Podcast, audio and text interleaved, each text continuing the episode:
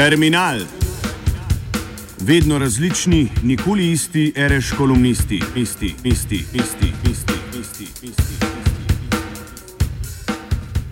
Slovensko-hrvaški arbitražni spor o meji je kljub temu, da je bil že pred razrešitvijo in kljub visokim zunanjim temperaturam od včeraj po medijskih hladnih prhi in objavi posnetkov med slovensko povlaščenko Simono Drenik ter slovenskim članom sodišča dr. Jernejem Sekolcem v hrvaškem jutrnjem listu znova v diplomatskem zamrzovalniku. Simona Drenik in Jernej Sekolec naj bi že ponudila svoje odstopne izjavi, v Sloveniji pa se že vrstijo zahteve po odstopu zunanjega ministra Karla Rjavca in celo predsednika vlade Mira Cerarja. Hrvaška zunanja ministrica Vesna Pusič pa celo grozi, da bi se Hrvaška zaradi domnevne škode, ki naj bi ji nastala, celo umaknila iz arbitražnega postopka. Zadeva je torej točno tam, kjer si ga je vladajoča hrvaška politika lahko želela. V jeseni so namreč volitve, sedanji škandal pa bo zagotovo povzročil najmanj zamenjavo slovenskega arbitražnega sodnika in s tem poskrbel za to, da rezultati arbitraže, ki za Hrvaško ne bo zelo ugodna, ne bodo znani pred volitvami na Hrvaškem. Kdo je imel interes za to? Očitno je Hrvaška in njena vlada. Zato so krokodilje soze, ki jih toči Hrvaška zunanja ministrica zaradi vsebine tistih pogovorov med slovenskim sodnikom in uslužbenko slovenskega ministrstva za zunanje zadeve, uporabne le za hrvaško notranjo politiko.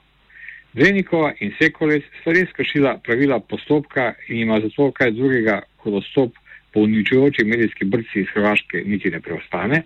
Tudi zelo verjetno je, da je tudi hrvaški sodnik Budimir Vukas o poteku postopka obveščal predstavnike hrvaške vlade.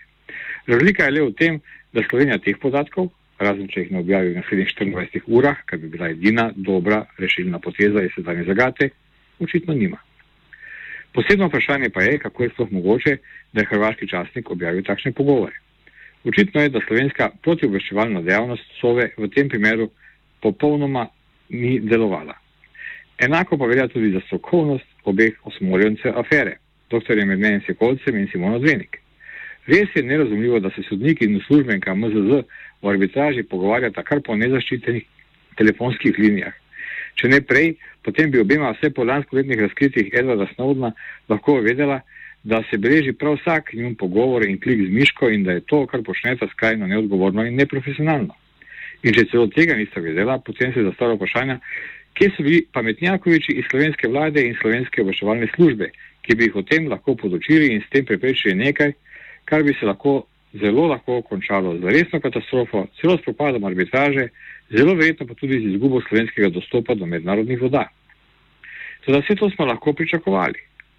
Simona Dvenik je svojo strokovnost pokazala že tedaj, ko je v pravni praksi objavila članek, v katerem je trdila, da je primer Kosova primer sui generis. Sodniki meddržavnega sodišča so to slovenski diplomaciji sicer všečno trditev v svojem mnenju povsem hladno raztrgali na koščke. Pri dr. Sekolcu pa velja podobno.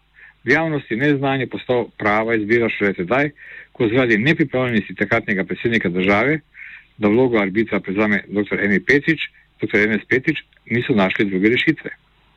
Sveda ni nujno, da bi se Petiču ob nesposobnosti slovenskih obveščevalcev uspelo izogniti enaki pasti, v katero sta padla Drenikova in Sekolec. To, da Petič v svojih strokovnih delih ni navajal očitno neutemeljenih trditev, prav tako pa ima več, bistveno več izkušenj in diplomatske kilometrine. Hrvaška medijska prha pa bi morala odnesti tudi zunanjega ministra, ki se je v arbitraži pred časom prav tako zelo razgovoril in s tem, saj tedaj, če ne prej, dal povod za razkrivanje nezakonitih pogovorov med arbitrom in Dvenikom. Slaba izbira arbitra in neresen odnos države do vodenja arbitražnega postopka bi zato Slovenijo lahko stale še veliko več kot samo nekaj zapravljenega mednarodnega ugleda. Dejstvo, da bo Slovenija dobila dve tretjini ali celo tri četrtine Piranskega zaliva, kot izhaja iz prisluhov, seveda ni dokaz pristranskosti sodnikov, pač pa je vsem strokovnjakom znano že od samega začetka spora.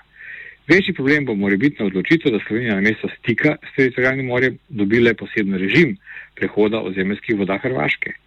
Režim je pač režim in ga veliko laže suspendirati, kot pa mednarodno določeno mejo. Meje pa se ne ustvarjajo zaradi najboljših, pač pa najslabših razmer v mednarodnih odnosih. Še tako stik, slab stik Slovenije z mednarodnim morjem je za Slovenijo zato pomembnejši, kot pa nekaj kvadratnih kilometrov več ali manj v samem Piranskem zalivu. In ko se kaže, Sekurec in Drenikova o tem predsednika sodišča nista uspela pripričati, zato je zamenjava obeh za Slovenijo odlična priložnost, da v arbitražo pošlje sposobnejše pravnike. Tretje vprašanje, ki se odpira v zvezi z zadnjim hrvaškim škandalom, pa je povezano z neresnim odnosom Slovenije do svoje južne sosede.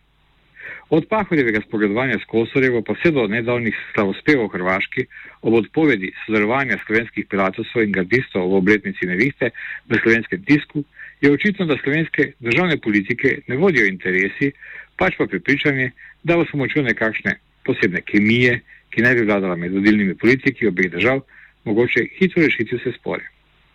Odločitev slovenske vlade, da na parado v Zagreb ob 20. obletnici operacije Nevihta 5. augusta letos ne pošlje slovenske gardiste, je izjema, ki potrjuje to pravilo.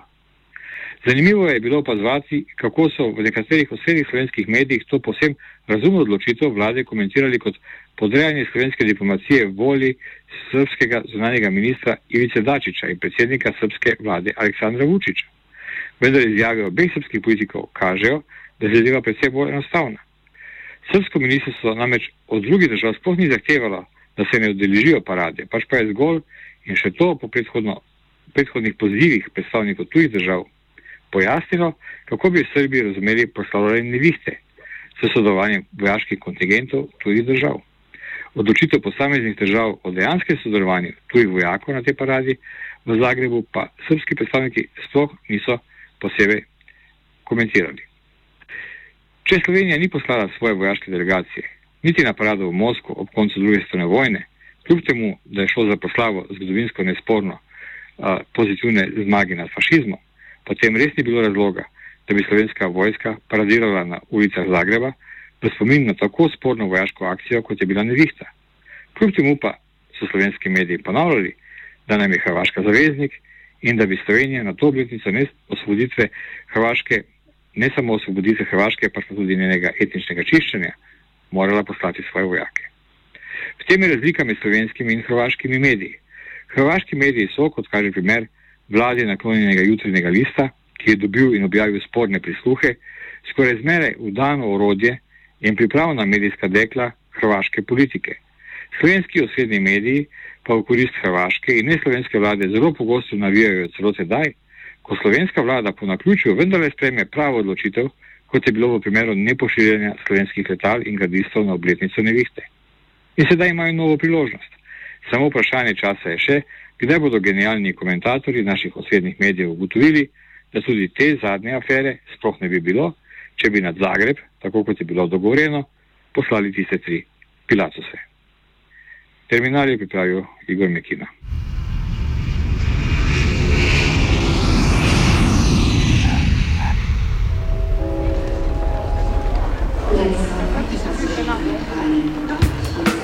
Terminal.